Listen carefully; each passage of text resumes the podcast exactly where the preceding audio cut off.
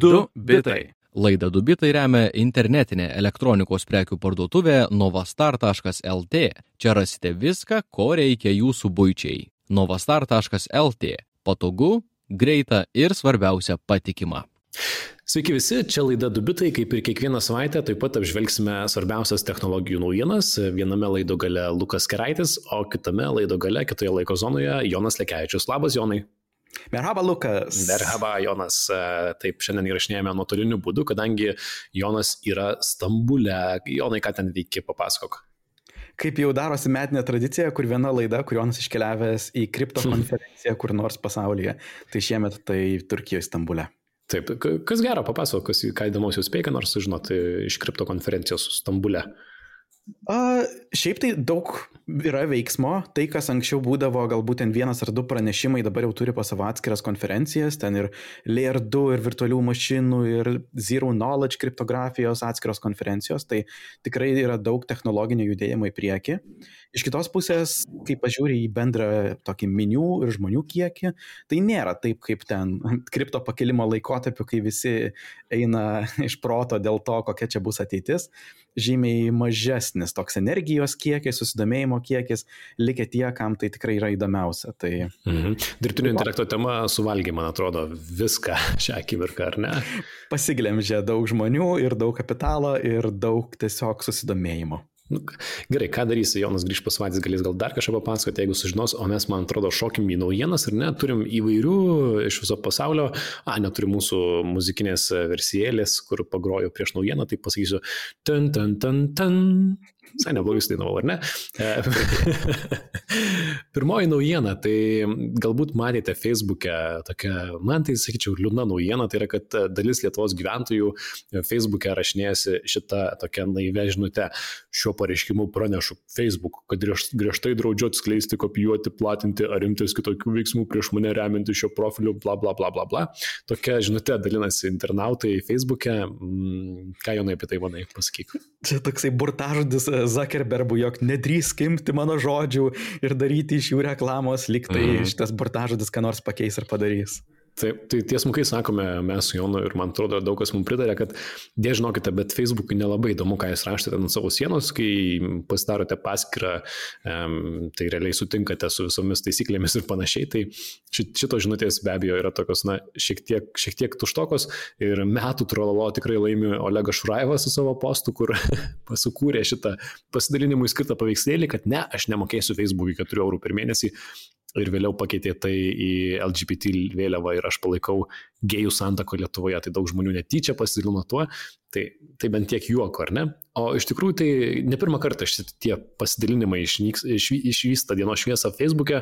Mm, aš manau, kad galbūt tai susijęs su mokama Facebook'o versija, kuri pasirodė. Nebejotinai, juk mm, vėlgi šios savaitės pagrindinė turbūt tokia tikra naujiena, kuri yra susijusi, tai atsidarius Facebook'o programėlę žmonės matė, jog Facebook'as leidžia pasirinkti, ar nori toliau naudotis juo nemokamai, bet turi sutikti su papildomomis sąlygomis, vėlgi ES nauja reguliacija, kuri reikalauja jų priimti šį sutikimą, jog tu sutinki, jog tavo informacija būtų naudojama reklamai. Arba gali nesutikti, bet e, vėlgi pasiemu iš tavęs nemažai pinigų. Tai tikrai yra priežastis, kodėl vėlgi iškilo šitas jokingas burbulas į paviršių. Um, Ir yra spėjimų, neva, kad tai naudinga Facebook'ui ir Facebook'as slepiasi po visą šitą kontroversiją, kas man atrodo yra šiek tiek šiek tiek e, abejotina, nes tai būtų labai keistas ir rizikingas žingsnis Facebook'ui užsimti tokiam akcijom, nes, na, ne va tai skatina Facebook'o naudojimą, bet tikriausiai tai skatina labai labai mažai. E, šiaip ar taip, daug kas tikriausiai galėjote pasirinkti mokėti arba nemokėti už tą reklamą, aš kaip ir dauguma e, proletariato žmonių pasirinkau nemokėti ir toliau matyti reklamas, Jonas pasirinko mokėti. Jonai skiriasi patirtis dabar jau? Žinai, iš vienos pusės aš tiesiog norėjau pabūti toksai eksperimentuotojas, nes e, čia gauni už vieną kainą, beveik moros už vieną mėnesio kainą gauni tris mėnesius. Tai turėsiu tris mėnesius pasibandymo, kaip yra e, tiek Facebookas, tiek Instagramas be e, reklamų. Bet iš kitos pusės tai ne reklamos mane net tame sraute labiausiai ir erzino. Ir žinau, jog ne mane vieną. Jau daugam yra atsibodę tie siūlomi, rekomenduojami suggested for you postai ir prasti memai, kurių aš nei nenoriu matyti, nei nei turiu būdą paprastai išjungti. Tai vėlgi, aš mieliau net sumokėčiau Facebook'ui ne už reklamas, o už gebėjimą išjungti tą man rekomenduojamą algoritminį srautą. Štai ko aš nenoriu iš tiesų. Mhm, čia Facebook'o maras yra. Aš jau netgi turiu savo sąmokslo teoriją, kad Facebook'as specialiai šitus memus meta į naujienų srautą, kurie visus visus jau nervuoja, e, kad, kad mes pirktume mokamą versiją. Negaliu paaiškinti kitaip to, to didelio, didelio šlamšto. Duoda tą mokamą versiją, bet jį pašalina tik tai reklamas, kurie, vėlgi, ne to, ne to aš noriu atsisakyti visiškai. Mhm. Mhm. Taip. Bet apie pačią idėją naudoti socialinius tinklus ir mokėti už juos, ar ne? Kaip tu galvoji? Tai toksai iššūkis, kurį ne vienas socialinis tinklas yra apsvarstęs, bet meta tinklams tai yra itin, itin didelis iššūkis. Ir mes vėliau pašnekėsime dar apie YouTube premium, kaip jiems sekasi. Bet uh, Facebookas, Instagrama yra labai sėkmingai monetizuojami srautai tai, ir puslapiai. Tai yra, jie sugeba iš kiekvieno vartotojo pakankamai nemažai užsidirbti. Kas reiškia, jog kuo daugiau jie užsidirba iš reklamos, na, tuo yra mažesnis noras tą pakeisti kažkokią prenumeratą E, ar tiesioginių pinigų surinkimu, nes tai reiškia, kad tiesiog tie žmonės turi mokėti vis daugiau ir daugiau. Ir čia geras tada yra klausimas, tai visgi kiek daug reikėtų mokėti už tą mokamą socialinį tinklą be reklamos. Ir čia viska, viso ko atsakymas visą laiką priklauso nuo uh, to, kiek toje šalyje tam tikri žmonės vėlgi uždirba uh, Facebook'ui iš reklamos, kiek Facebookas iš jų užsidirba. Ir Europoje, beje, tas vidurkis, manau, gal nustebins, jog per ketvirtį, tai yra per tris mėnesius, iš uh, užsidirba Europoje iš vidutinio žmogaus 18 dolerių arba 6 dolerius per mėnesį, kas yra labai daug, turbūt daugiau negu bent jau aš tikėjausi, tai tikrai galvojau, ai, nu čia jau kelis dolerius gal maks iš manęs užsidirbs. Ir uh, kai tuomet tame kontekste pradedi galvoti, vėlgi, kiek rinkti žmonių pinigų, Antras dalykas, kurį reikia pagalvoti yra, o kas pirks? Net jeigu paimtum, kad ir tuos 6 ar 8 dolerius per mėnesį, labiausiai pirks tie žmonės, kurie turi daugiausiai laisvai disponuojamų pajamų. Tai yra ne atsitiktinis kiek kažkoks rautas žmonių, bet būtent tie, kurie yra labiausiai mokus ir iš kurių tu daugiausiai užsidirbi. Tad negali tiesiog imti 6 dolerių to vidurkio, turi imti kažką virš vidurkio. Ir manau, taip mes ir prieėjome prie to, jog, na, Facebookas prašo 12 dolerių ar kiek tenai skirtingim žmonėms skirtingose platformose šiek tiek skiriasi, bet faktas, jog suma yra nemaža, todėl jog jie turbūt prarastų pačius mokiausius savo reklamos žiūrėtojus. Mhm. Tai būt, bus įdomu iš tikrųjų, jeigu ateitie pasirodys kokie nors skaičiai, kiek Lietuvoje žmonių pasirinko mokėti už Facebooką, aš manau, kad na, vienas procentas, gal du, spėčiau tiek ar ne. Visiškai. Pažiūrėsim, kiek tai, kaip tai seksis, nors kaip pagalvoju, prieš kokį keliolika metų mokėti už socialinius tinklus iš vis atrodė tikriausiai neįsivaizduotina idėja, dabar, dabar jau bent su to eksperimentuojama. Ir turim kitą temą, kuri yra šiek tiek panaši, šiek tiek kita, tai yra, galbūt matėte, kas naudojate YouTube, spėjau daugumis, dauguma naudojate, tai e, ir lapritį, ir šių mėnesių, šių, šių, šių metų spalį YouTube'as aktyviai kovoja su adbloku. Apie tai yra mūsų kita naujiena ir muzikinis žingsnis. Tun, tun, tun, tun. Tai naudojantis YouTube ir adblokus tikriausiai pastebėjote, kad um, tikrai stipriai YouTube su to kovoja ir labai skatina pirkti YouTube Premium, kad tik tais um, perėtumėte į mokamą tą versiją. Aš prisipažinsiu, per kompiuterį tikrai naudoju adbloką, kaip ir dauguma žmonių, ir nematydavau jokių reklamų, viskas man ten eina keuriai, matau tik tai, ką reikia, bet neseniai YouTube liepia išjungti adbloką ir kaip ir daugelis žmonių ieškojau kitų ir apie tai rašo ir naujienų portalai, kad uh, visi pasaulio internautai ieško būdų, kaip sugrįžti į tą išsvajotąją būseną, kai žiūri video ir nematai reklamų. Šią akimirką mano kažkoksai adblokas e, sugeba tiesiog išjungti vaizdą, bet garsą vis tiek matau, bet tų reklamų yra daug. Prieš kiekvieną video reikia pažiūrėti dvi dažniausiai. Wow. Ir, o vėlgi Jonas ėmė ir moka už šitą turinį šaunuolis, Jonai. Na taip, čia, čia tikrai toks buvo, uh, gal net daugiau nei prieš metus uh, mane suviliojo tas YouTube Premium eksperimentas, na kaip jaustusi ten YouTube'as mėnesį be reklamos. Ir turiu pasakyti, labai patiko. Uh, tai jog, vėlgi, tos reklamos jos labai erzinančios dažniausiai būna visą laiką kartojančios, besikartojančios ir tu nori pažiūrėti kažką ir tau tai minutę atima dar prie žiūrėjimo kažko. Tai moku ir esu pakankamai uh, laimingas dėl to. Plus gaunu kitus dar kelias funkcijas iš to pagrindę, jog galiu žiūrėti YouTube video dar, kai kitas programas naudoju uh, iPhone e ir galiu tiesiog e, žiūrėti be vaizdo, lyg podcastą klausyti. Tai, tai yra tam tokių privalumų, kažkaip dar neatsisakiau tos prenumeratos, nors kainuoja kaip Netflixas, tai, tai visai neblogai. Yra ir dar mhm. kita technologija, kurią esu pasijungęs dar, dar mažiau reklamos išgyvenčiau savo gyvenime. Tai yra toksai papildomas įskiepis uh, Chrome ir kitom naršyklėm pavadinimu Sponsor Block. Nes su premium tu tiesiog nematai YouTube dedamų uh, reklamų prieš video įrašą, uh, bet aišku, vis tiek lieka tos reklamos, kurias patys video kuriejai yra įdėję į video turinį. Pavyzdžiui, mhm. šią, šį video remia ten koks nors VPN. -as. Um, tai jeigu nori, jog ir tas reklamas automatiškai praleistų, tai sponsor block yra geras e, skiepinys, e, kuris labai greitai reaguoja. Ten patys žmonės anotuoja, kuriuose vietose yra a, reklama kažkokia palikta, bet tas vyksta žiauriai greitai. Ten užtenka tūkstančio peržiūrų ir jau būna sužymėta, kur kas ką sako, mhm. sekundžių tikslumu čia mes pasakojam ir kasam ir savo duobę to pačiu, nes ir mus remia, remia laidas, ar ne, ir jeigu kažkas žiūri YouTube'e, tai gali įsijungti tai ir tada, tada praleisti tą, tą, tą remimo segmentą. E, tarp kitko dabar jau ir reklamų blokavimo adblokai tą patį daro, sponsor blok turi funkciją dauguma. Tai kaip su tuo tvarkytis kuriems, tai tikrai yra galvos skausmas ir be abejo, šiaip e, palaikyti kuriejus perkant iš YouTube subscription yra kaip ir gražu ar ne, bet to pačiu, man atrodo, daugelis, kaip ir aš, sunku, sunku 20 metų atrodo, ar, na gerai, 14, besinaudojus tokią platformą, imti ir staiga mokėti už tai, kas yra taip, taip lengvai ne, nemokama. Ir šitą, šitą šiaip pokytis at, at, atvyko po e, Europos, e, Europos masto įstatymų pakeitimų, Europos privatumo direktyva, apie tai esam kalbėjusi ankstesnėse laidose. Man įdomu dar, kad šit, šit naujiena iškėlė klausimą, ar reklamos blokavimas reklamos blokavimas yra legalu. Ir e, labai pasirodo įdomus ir sudėtingas klausimas, net internete ne vienas tiek prijaučiantis šiek tiek piratų idėjams, galbūt kiti galbūt privatumo ekspertai iškėlė klausimus, kad YouTube'as detektuodamas, kas naudoja adblokus, pažeidžia privatumo įstatymus. Tai yra, kad jie yra blogučiai, o ne tie, kas naudoja mm, Adblocką, uh, netgi yra citatos iš Vokietijos piratų partijos nario, kad adblock detection scripts are spyware. Ir neva tai turėtų būti traktuojama kaip slapukai ir turėtų YouTube'as paklausti naudotojų, ar jie sutinka, kad YouTube'as patikrintų, ar jūs turite adblocką, nes jeigu turite, tuomet jums neveiksiu, kas yra šiek tiek jokinga ir, na, tikrai detalės ten galima pasiklysti, uh, sudėtinga diskusija įdomu, į ką jinai išvirs.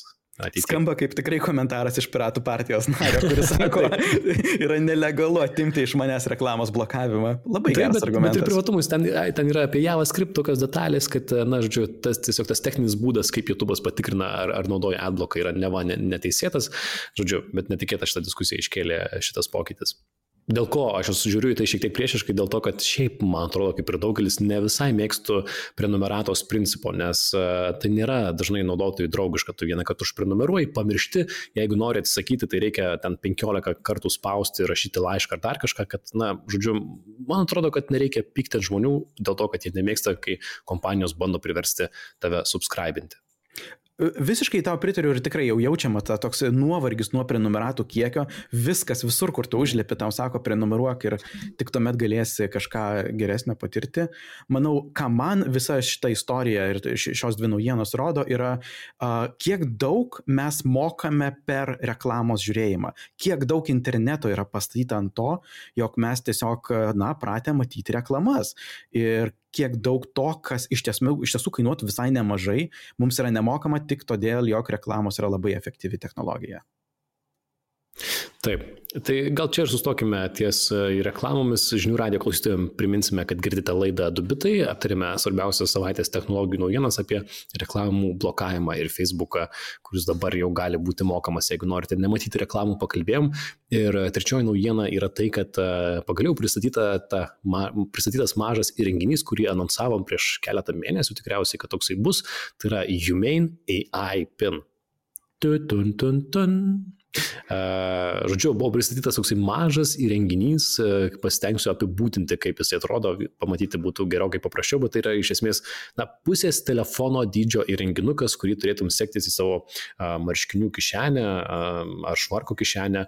Priekyje jisai turi mažą kamerėlę, su juo gali kalbėtis ir, ir na ir naudoti kažkokiems dalykams, kam dar ne iki galo aišku. Man atrodo, mano skeptiškumas jau transliuojasi mhm. šią akimirką, ar ne? Galiu priminti apskritai, kodėl mes kalbame apie kažkokią naują išeinantį produktą, nes jau vėlgi ne kiekvienas naujas produktas patenka į mūsų eterį. Tai yra nauja technologijų kompanija, kuri va, dabar išleidžia savo pirmą produktą, bet jau turi ketvirtį milijardo finansavimo ir įkurta kelių legendinių ex-Apple dizainerių, kurie sukūrė patį pirmą originalų iPhone.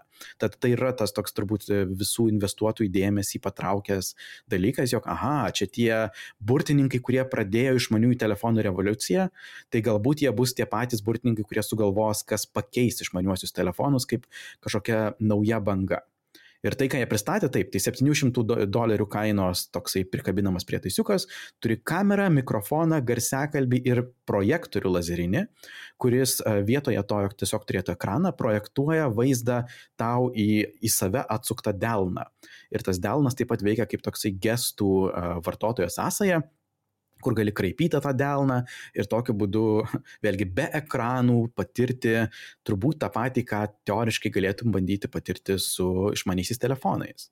Mhm. Jie pasidalino, jog jie naudoja OpenAI GPT modelius kaip savo e, operacinę sistemą, dirbtinį intelektą, kas yra prietaiso pagrindas. Uh, jie taip pat pasidalino, jog tai taip pat turės mūsų jau aptartas prenumeratas. Neužteks tiesiog nusipirkti už 700 dolerių prietaisiuką, dar taip pat mokėsi 24 dolerius per mėnesį už mobilų ryšį ir dirbtinio intelekto pajėgumus ir todėl bus prieinamas tik tai JAV ir spėjau dar kurį laiką, nes e, dėl to, jog jis pats turi savo mobilio ryšio tinklą praktiškai. Mhm. Toksai sudėtingas prietaisiukas, kurio tikrai greitai gyvai neišbandysime, bet e, tai mums netrukdo iš karto turėti nuomonių ir būti skeptiški. Be abejo, be, Ačiū jo, tai man, man tikrai įspūdingiausia funkcija jo, tai be abejo yra tas uh, vadinamasis laser ink, laserinis uh, rašalas, taip jie sako, ta funkcija, kad ištiesiu ranką per pusmetrį ir galiu savo į delną, na, transliuoti informaciją, ar ne? Ir netgi vienas iš tų pavyzdžių buvo, kai leidai muziką, be abejo, tai gali daryti tiek per to įrenginio garsiakalbį, tiek prisijungęs Bluetooth ausines ir tame delne galiu reguliuoti garsą, na, spaudyti ant delno, kas tikrai atrodo futuristiškai, pasuku delną, perjungiu dainą, pagarsinu ir panašiai. Mm, ką jie dar pademonstravo su toje savo demo, demo pristatymė, tai 10 minučių, na, pavyzdžiui, laiko mm, saują riešutų priešais to įtaiso kamerą, tai yra tiesiog priešais savo krūtinę, krūtinės lygyje ir paklausia, kiek šitose riešutuose yra kalorijų ir jisai pasako, be abejo, čia GPT po juo pasako. Jis be abejo gali apibendrinti tavo elektroninius laiškus, e, gali vieno įdomesnių funkcijų, kadangi turi priekyje kamerą, gali jam paprašyti, sakyti, nufotkink šitą, nufotografuok šitą prekę ir pasakyk, kokia jos kaina yra internete, tai jis gali padaryti, gali kalbėti su kitu žmogumi priešais, jisai kalba, jeigu, pavyzdžiui, ispaniškai ar kita kalba ir gali išversti. Tai tokie, na, bet galų gale tokie pavyzdžiai, kai pasakyk, kur aš galiu pavalgyti artimiausių šitame mieste, tai tikrai nenustebina, nes tai tiesiog yra įprasto išmanaus asistento funkcijos, ar ne? Mhm. Aš manau, kur ne viena kompanija, mes jau esame kalbėję apie Rewind, uh, Maros esame jūs minėję, um, keletas tokių kompanijų, kurios juda į to, tam tikrą dirbtinio intelekto ateitį, kur tie prietaisai, kurie yra su mumis, visą laiką stebi ir visą laiką gali atsakyti mums į, į bet kokį klausimą. Tai yra išties jiem delna su maistu, žino kiek kalorijų, taip pat žino, ką tu suvalgy tą dieną. Ir taip pat žino, su kuo bendrauji ir ką šnekėjai su tuo žmogumi tą, tą dieną. Tad manau, jie yra ne vieninteliai, kurie bando judėti būtent tą ateitį, kur mūsų dirbtiniai intelekto asistentai išgyvena visą tą pačią informaciją kaip ir mes. Ir turbūt tai yra tokia ilgametė vizija. Aišku, Kitas klausimas yra, ar būtent jie bus e, tai, kas tą viziją jau atneš e, į kažkokią kokybišką išgyvenimą, nes dėl to aš esu labai skeptiškas. Mhm. Tai jog jų misija yra kažkokia technologija be ekranų, aš klausiu, ar tikrai tai ekranai yra taip jau blogai, nes jeigu koks nors Apple laikrodis gali daryti tą patį ir turėti ekranėlį mažiuką, ar tai yra tikrai toks minusas. Ir taip mhm. pat aš klausiau, kame yra tikra inovacija. Nes jie sako, jog jie pasiskolina dirbtinį intelektą iš OpenAI, jie pasiskolina lazerinį projektorių, jie pasiskolina garsą ir vaizdą. Ką jie tokio tikrai kūrybiško sukuria, man dar nėra labai aišku. Taip, ir tikrai ir, ir aš ir kiti internautai pastebi, kad na, tame pristatymė trūksta to a, vertės pasiūlymo, apie ką visą tai yra, nes papasakė tą, na, trečią, bet tai nėra kažkas tokio, na, iš esmės naujo, bet to pats pristatymas toksai gana blankus ir tas jų pasiūlymas, na, kad naršyti internete be rankų, puiku, bet ar tai geriausias būdas tam yra naudoti balsą ir visu, viską reikia dabar kalbėti, a, kažin, nors komplimentas prisidedu prie tavęs, kad uh, ieškoti, kas galėtų būti naujo po telefono, yra puiku. Aš tai galvoju, kad gaila, kad šitos technologijos, šitų idėjų nepasėma vadinamųjų flip phone'ų, tai yra tų telefonų, kurie yra atlenkiami gamintojai. Esu išbandęs tokius telefonus, galbūt galima būtų įstėti kišenę ir, pavyzdžiui, mano telefonas galėtų transliuoti ant delno, ar ne, arba pats iPhone'as galėtų transliuoti ant delno su lazeriuku informaciją ir tiesą pasakius nukonkuruotų visą šitą įrenginį, kuris gali gerokai mažiau. Bet uh, tikėtina, kad galbūt antra, trečia, ketvirta šio įrenginio versija galbūt ras savo potencialą, nes daug kas sako, kad uh, norėtų tai išmėginti vien dėl to, kad tarsi gali apeiti programėlės, nes tiesiog klausi, ko tau reikia, ar ne? Ir čia Jonai, tu kaip UX dizaineris prijaučiantis mažų mažiausiai, tai tikrai turėtum pritarti, ar ne? Visiškai taip, bendrai vienas toks supratimas su dirbtinio intelekto ateitimi yra, jog ta visa idėja programėlių kaip ir išnyksta. Tau nebereikia eiti į tam tikrą programą tam, jog iškviesti funkciją. Tu turi vieną mega programą, kuri yra tavo asistentas, tavo dirbtinis intelektas, kuris žino viską, ką jisai gali daryti be jokių papildomų programėlių ir instaliavimo. Mhm. Taip, tad kam įdomu, Humane AI PIN, šitas renginys vadinasi, galite pažiūrėti internete, vaizdiškai bus aiškiau. Jei kažkas išbandysite, papasakokite mums, nes matyt, greitų, rankų, greitų metų į rankas Europoje tai nepateks.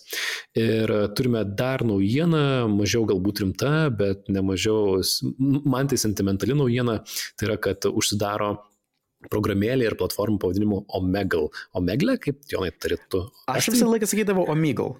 Omegle, aš tai atsimenu, kad me, kadangi šitą programėlę išbandžiau vaikystėje, tai sakydavau Omegle, kai nelabai mokėdamas anglų. Žodžiu, nuo 2009 metų veikosi bendravimo platforma, jie sujungdavo du nepažįstamus žmonės į video skambutį, galbūt esate išbandę, konkurentai chat roulette yra labai panašus ir, na, tikrai prieš keliolika metų tai buvo populiari platforma, Per COVID pandemiją ji beje šiek tiek buvo atgyjusi. Ir tiesą pasakius, be to, kad tai yra na, įdomi idėja ir įdomi platforma, joje tikrai buvo nemažai ekshibicionistų ir seksualinių nusikaltėlių. Dėja, aš pats pamenu, kai mes buvom kiek vienuoliktokai, tiesą pasakius, atnaujini puslapį ir matai, kad ten vaikinas kažką jisai veikia su savo rankom juosmens, juosmens lygyje, ar ne, ir turi greitai perjungti ir galbūt surasi įdomų žmogų, su kuriuo gali pasikalbėti. Bet platformos uždarimas įvyko po ieškinio, kuriame moteris apkaltino a, tą platformą už tai, kad suvedė ją 11 metę su vyru, kuris ją seksualiai išnaudojo. Ir prieš keletą metų prasidėjęs ieškinys a, dabar baigėsi, buvo sustarta dėl 22 milijonų dolerių atlyginimo. Ir atsidarius tą internetinį puslapį, teliko liūdnas įkūrėjo Leif Key Brookso laiškas, kuriame jis sako, pavargau kovoti tiek psichologiškai, tiek finansiškai, tiek su tais na, visais ekshibicionistais ir seksualiniais nusikaltėliais, kurie ten jau ieško savo aukų ir, ir nepilnamečių, tiesą pasakius, taip pat tiek, tiek su tais, kurie puola mane ir platformą, nes joje vyksta blogų dalykų. Ilgas, šiaip jautrus, liūdnas laiškas, ar ne, to įkūrėjo parašytas. Taip, aišku, jo misija, ką jisai siekė, man atrodo, manau, tikrai buvo tokia naivi ir idealistiška, nes mhm. jisai iš tiesų atidengė visą internetą ir visą anonimiškumą ir tiesą sakant, turbūt nebuvo galima tikėtis kažko kito. Visos platformos, kurios leidžia tau būti anonimišku ir susijungti su bet kokiais kitais žmonėmis, atskleidžia blogiausias žmonių uh, pusės. Ir labai sunku prieš šią tokią žmogaus tendenciją pakovoti, bet aš iš tiesų net stebiuosi, kaip ilgai Omegle, Omegle išgyveno. Taip, tiesa. Ir nors kuriejas gynėsi, kad na, galima ir plaktuką panaudoti įvairiems tikslams ar ne, visgi teismo dokumentai rodo, kad jisai nebuvo įdarbinęs oficialiai nei vieno moderuotojo, na, pats kiek moderuavo ir savanoriai, tai, o tokiai platformai tikrai reikia moderavimo. Šiaip ar taip, tikrai interneto pradžia tai buvo žavus, pašėlęs projektas, kažkokia crazy idėja, kažkas sugalvojo ir čia galiu kalbėti su kažkuo pasaulio kitame gale, bet nebe šiems laikams įmatyti ir buvo laikas ją užsidaryti, bet to, kad nusikaltimas nusikaltimai, seksualiniai nusikaltimai per ją, per ją vykdavo, tad, tad bye bye, Omegal čia trulėtai dar tikriausiai veikia. Kam trūks. Tad tiek šiandien daugiau naujienų papasakoti nespėsime. Kaip visuomet, mūsų šaltiniai yra dubitai.com svetainėje, per Spotify ir žiniųradijas.lt galite išgirsti visas mūsų laidas. Čia buvo Lukas Keraitis ir Jonas Lekevičius iš Stambulo. Sakome iki kitos savaitės. Iki. Iki.